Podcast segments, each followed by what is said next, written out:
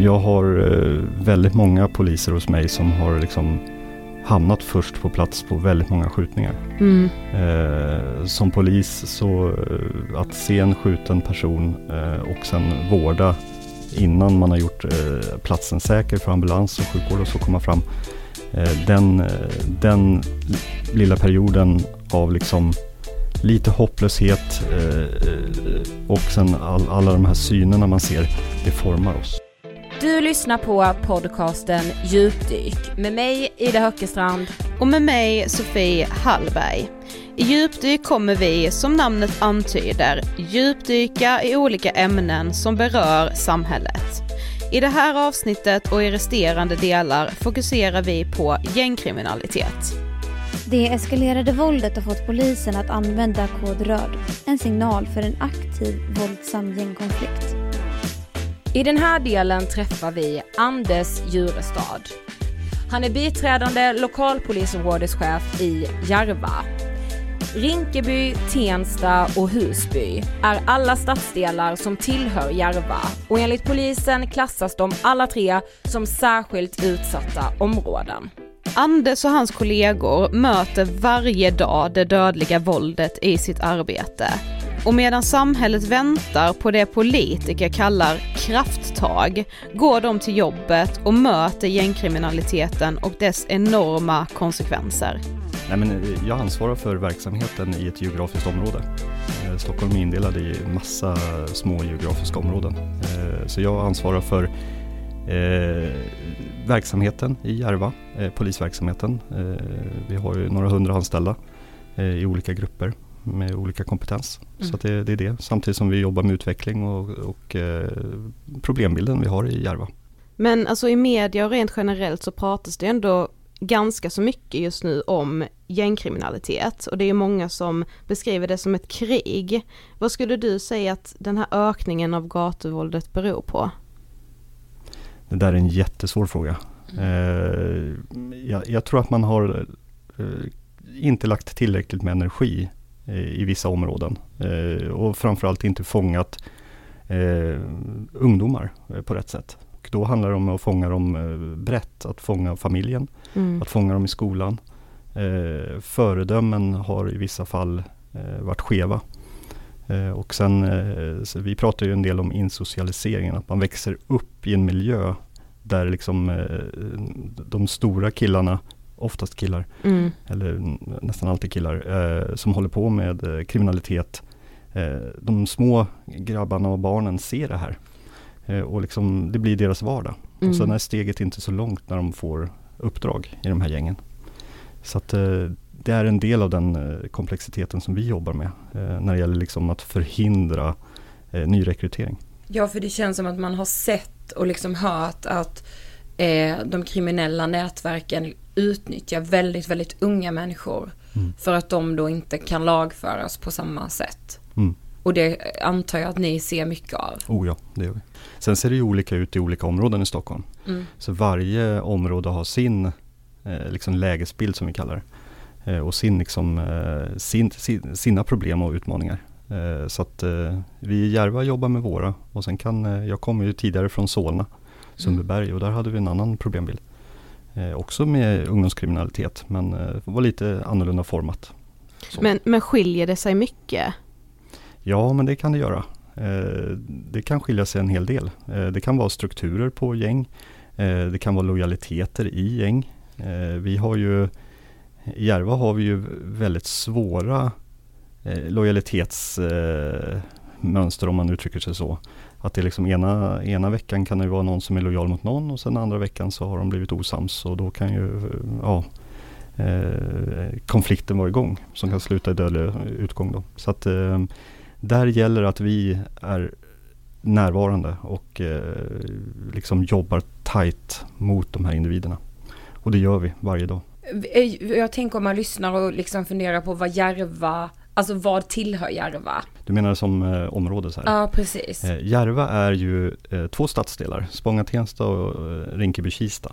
Mm. Eh, men det är alltså eh, områdena eh, Tensta, Rinkeby, Akalla, Kista, Husby, Arvinge och Spånga samt Bromsten. Så det, det är det området. Så det är ganska geografiskt ganska litet område egentligen. Men för vi läste just att liksom Järvaområdet beskrivs som särskilt utsatt område. Mm. Var, alltså var, varför är det klassat som, som det? Eh, det är inte hela Järva som är det, utan det, det är Tensta, Rinkeby och eh, Husby Mm. eh, som är klassat. Och det här är av eh, NOA, nationella operativa avdelningen inom polisen, som man, man följer ett metodstöd som är evidensbaserat, eh, som bygger på att man svarar på ett antal frågor och kalibrerar ett område tillsammans med andra samverkansaktörer som Stockholms stad och, och så. Och försöker få en bild av, eh, av eh, liksom hur ett område mår. Mm. Eh, och det här blir ju olika klasser då. Mm. Eh, det kan vara ett målområde. Det är ju de flesta områdena i Sverige. Ja. Eh, sen har man utsatt område som är nästa steg. Eh, och sen har man riskområde och eh, särskilt utsatt område. Mm. Eh, så att det, det, är lite, det är en klassning av ett område. Eh, så. Men vad är då ett särskilt utsatt område? Ett särskilt utsatt område är väl enkelt sett, det, det, det är en ganska komplex eh, beskrivning, men enkelt sett så är det att eh, de kriminella elementen har liksom eh, både förgreningar och tagit över lokalsamhället. Mm. Och det blir en, dels en otillåten påverkan mot eh, boende och verkande i området. Eh, eh, Samhällsaktörer har liksom kanske tvingats bort från ett område. Eh, det, det är flera delar som är väldigt svåra.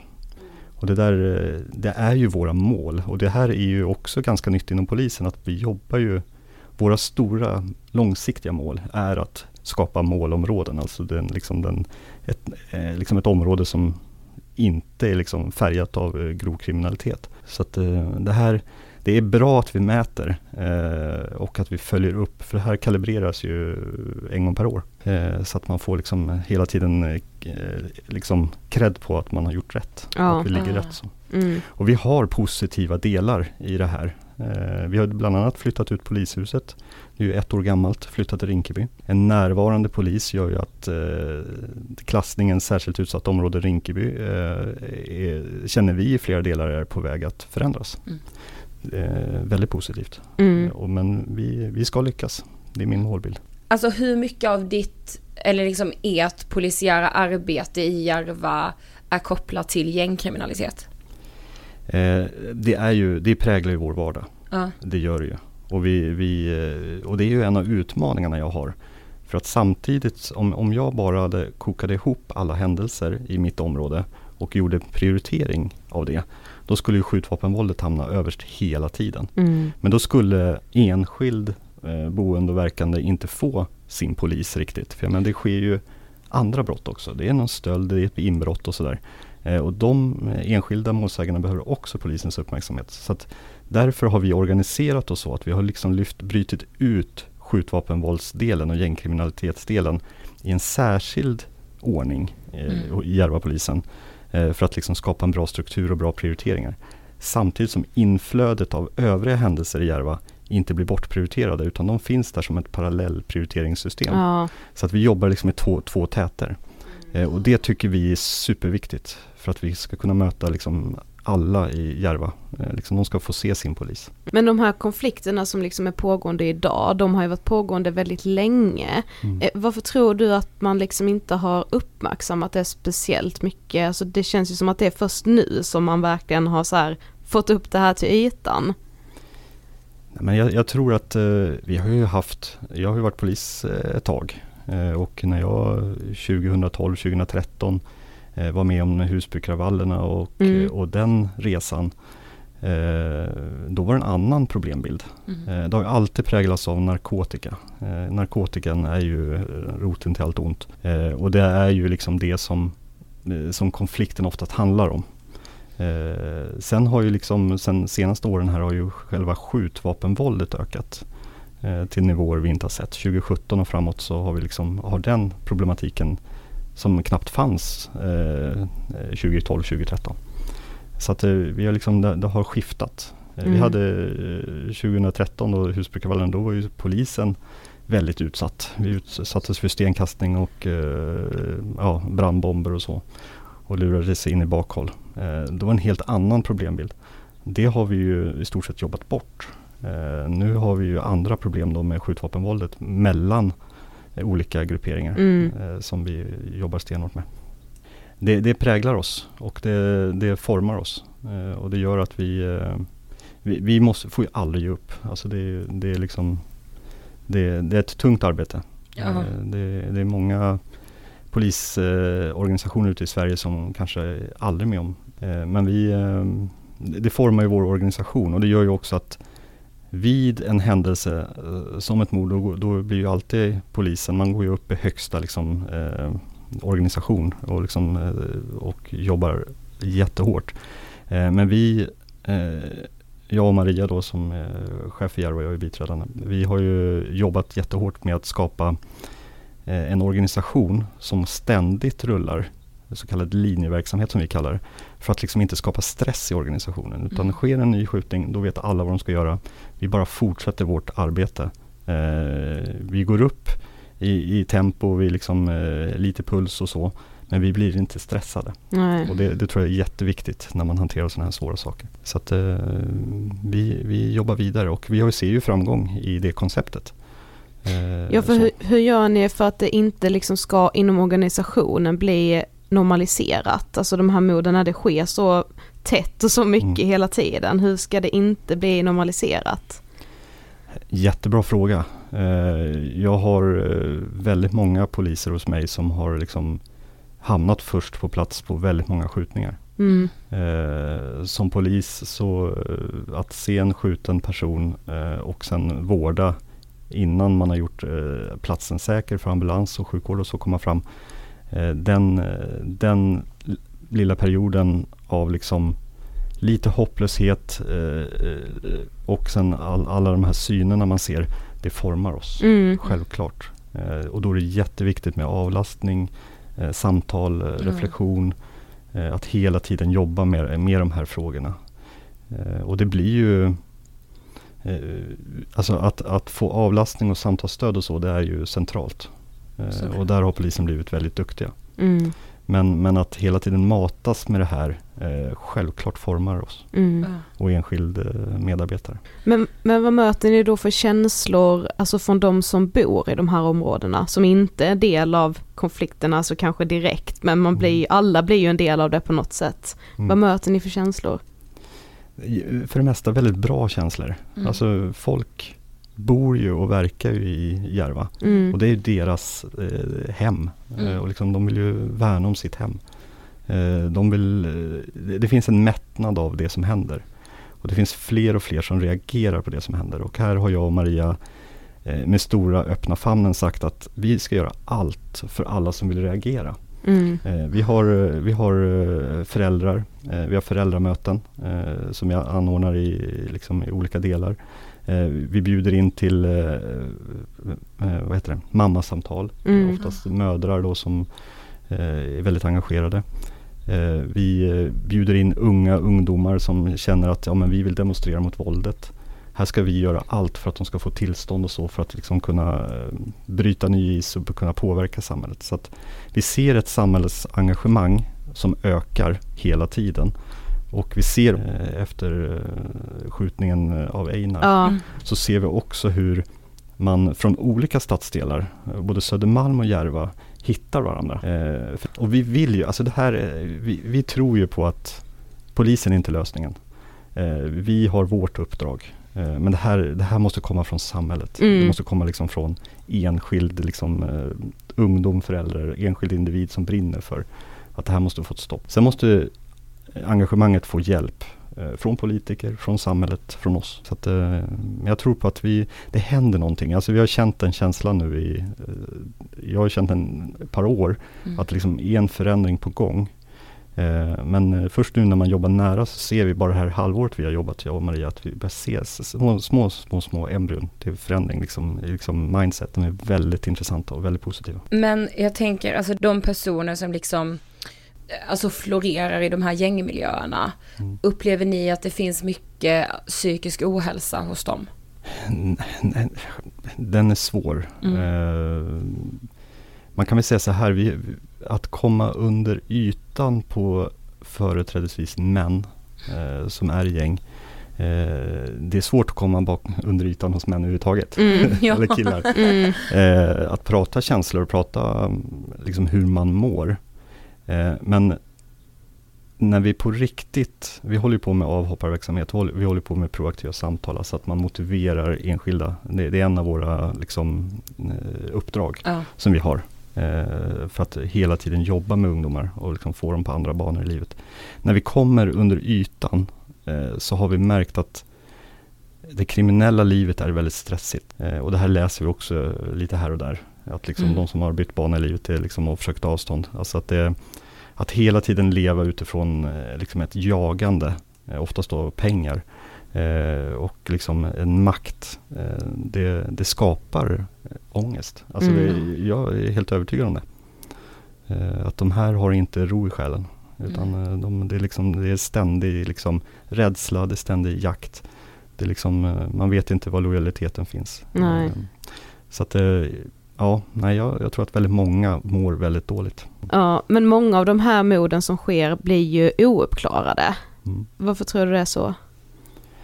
Eh, det nu, har ju vi lite framgång i eh, Järva, Mm. eh, senaste morden här. Vi har ju väldigt många som eh, sitter för, som misstänkta för som delaktighet i morden. Den här framgången har gjort att vi fått ett lite andrum och lite lugn. Konflikten pågår men vi har många ledande som sitter. Eh, så att, men mord i gängmiljö är väldigt svåra. Och det, det, är så, det är så enkelt som att det är ingen som vill prata med oss. Så vi måste ju hitta svar på andra sätt. Och skjutningar sker oftast eh, tider och platser där inte vittnen finns. Eh, och, och annan kameror eller vad det nu kan vara. Så att vi, vi måste ju liksom börja eh, vi börjar ju uppförsbacke från början. Ja. Egentligen. Så det är så viktigt att vi liksom eh, kartlägger och vi liksom bygger upp hela ärendet med teknisk bevisning och så. Eh, det här är jättesvårt. Eh, alltså mord utanför gängkriminalitet som kanske sker i, i relationsvåld eller i andra saker. Där, där blir det helt annorlunda för där har vi oftast vittnen, vi, vi har andra vi kan prata med, vi har oftast en begränsad plats, en enkel plats att jobba på. Här är det ju liksom utomhus, allmän plats där många har vistats, det är svårt att hitta spår och så vidare.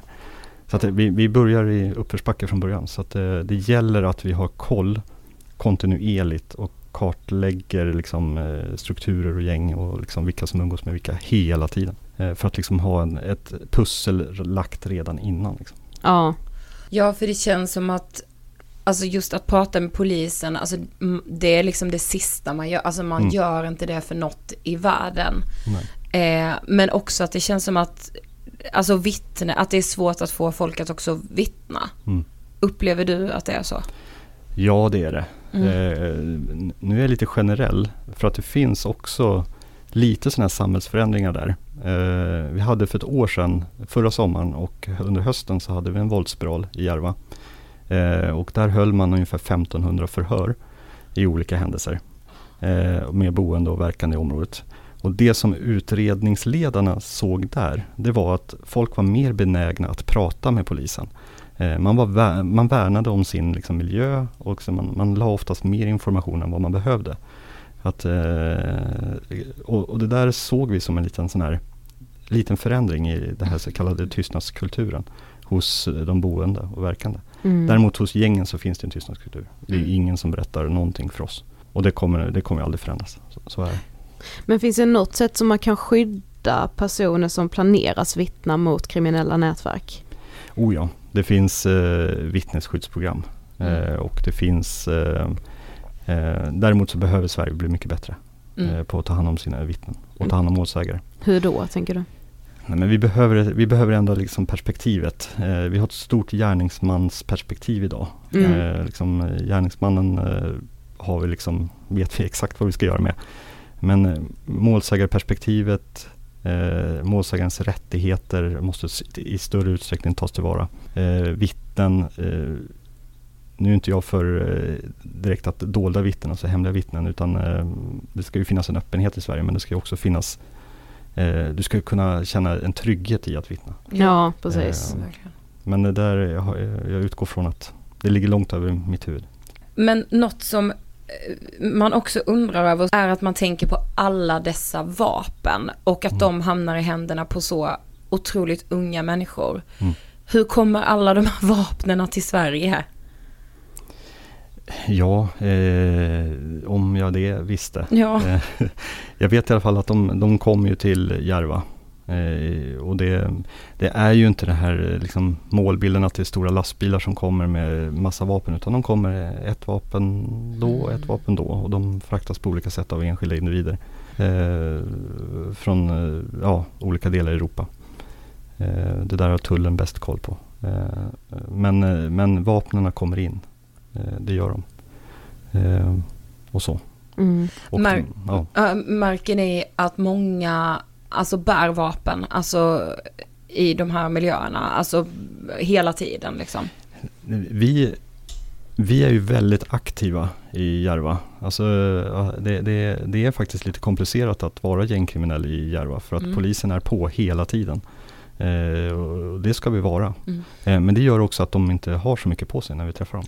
Eh, utan eh, saker eh, göms på andra ställen i deras närhet. Mm. Så att vi, vi har utvecklat olika metoder eh, och vi hittar väldigt mycket vapen. Mm.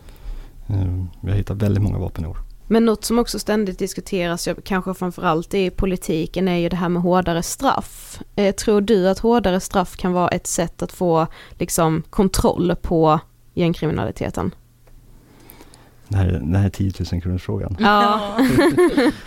Nej, men det, det är, generellt tror jag inte på hårdare straff. Eh, man, bygger inte bra personer i fängelser.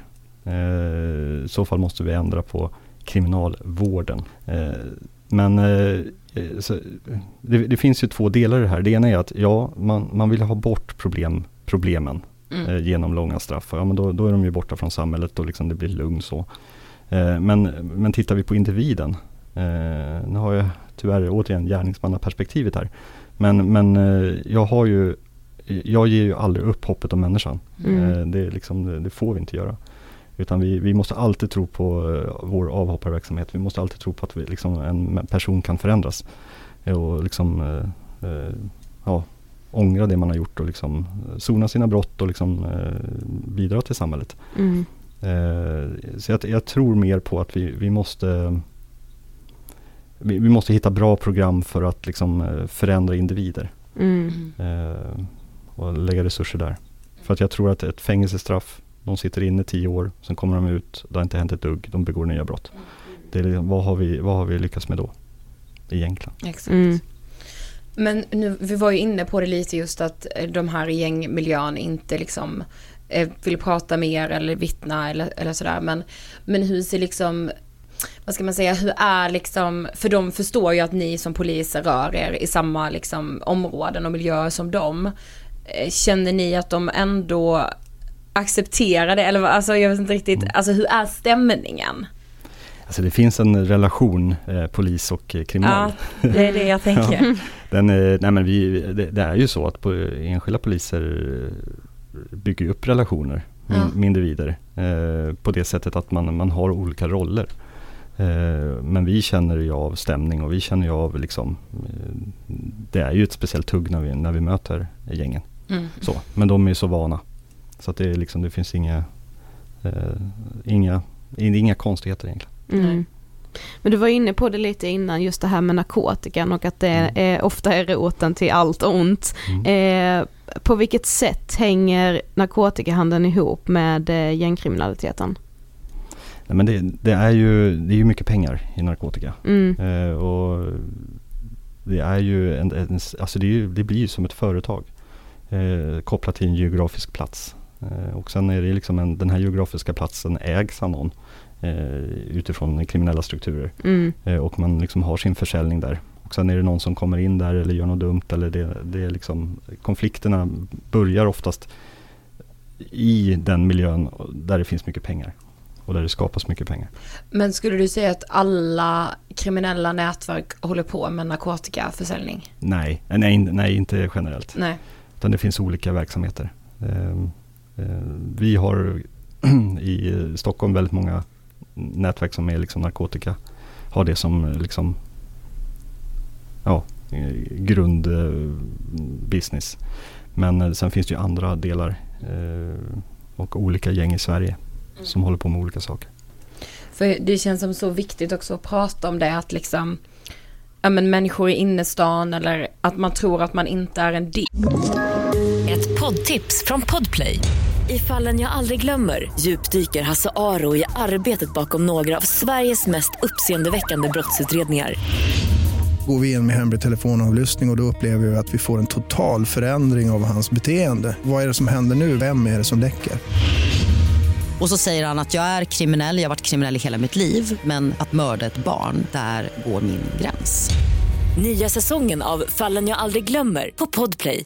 av liksom problematiken kring gängkriminalitet men så eh, normaliseras det till exempel partyknarka och så förstår man inte att man är, är med och liksom göder den här livsfarliga spiralen.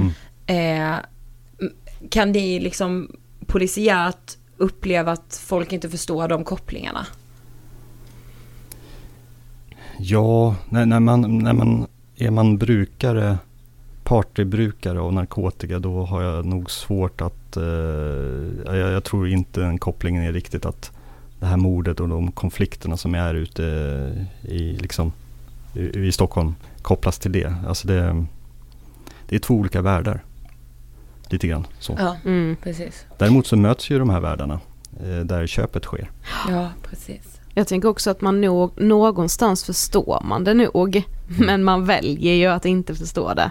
Mm. För att det är lite enklare liksom. Och blunda ja. Ja. Mm. Jo, men en annan sak som diskuteras i media är också huruvida man ska sätta in militären i de här särskilt utsatta områdena. Vad Mm. tänker du kring det? Nej, eh, det tycker jag inte. Eh, Vi är inte, det, det, nej det finns inga skäl. Det, det är ju inte, det är ju inte ett krig. Alltså militären ska användas i liksom, om Sverige angrips. Eh, Man måste skilja på fred och krig. Utan det här handlar ju om att vi, vi behöver eh, liksom tillsammans ta tag i och jobba vidare med vår problembild. Eh, Och då är det ju polis, det är eh, staden, det är olika samhällsaktörer, eh, föreningar, eh, samfund och så vidare. Eh, Som alla behöver gå tillsammans och liksom hjälpas åt. Men upplever du att det finns en samverkan där bland alla de här olika instanserna? Oh ja, Ja. jättebra samverkan. Mm. Eh, Vi möts eh, varje dag i stort sett i olika forum. Och vi till och med i polishuset har socialtjänsten hos oss och jobbar jättetajt med ungdomar framförallt. Men även stödcentrum för brottsoffer och så har vi också i, liksom, i polishuset i, i Rinkeby. Eh, Jätteframgångsrikt. Eh, Och vi, eh, ja, vi, vi är ju liksom, vi- jobbar varje dag med individnivå. På individnivå med olika ungdomar. Och en annan sak som också har diskuterats mycket, vi pratade bland annat om det när vi hade journalisten Diamant Salih hos oss, är ju musikens, alltså rapmusikens inverkan på de här konflikterna.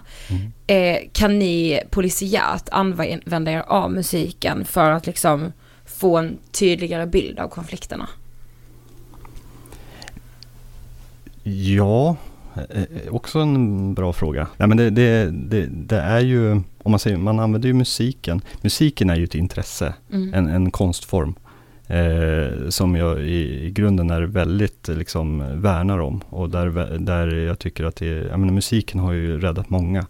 Eh, liksom, och svenskt musikliv är ju helt fantastiskt. Ja. Och har alltid varit med allt från liksom, eh, kulturskolan till liksom, och hela den ja, folkhemmet när det gäller musik. Ja, Eh, så att vi, vi har ju, vi, och vi är ju bäst i hela världen på musik. Eh, sen, eh, sen blir det ju, Eh, när musiken går över till en eh, maktform i kriminella strukturer, då blir det helt plötsligt eh, lite komplext. Kan vi använda oss av informationsinhämtning från musiken? Absolut. Det är ju inte så att eh, vissa använder sig av videos och liksom, eh, alltså, vi vet ju precis eh, liksom, grupperingar, konstellationer och så som, eh, som genomför sina musikvideos. Eh, så att det blir ju en informationsdel eh, för oss, självklart.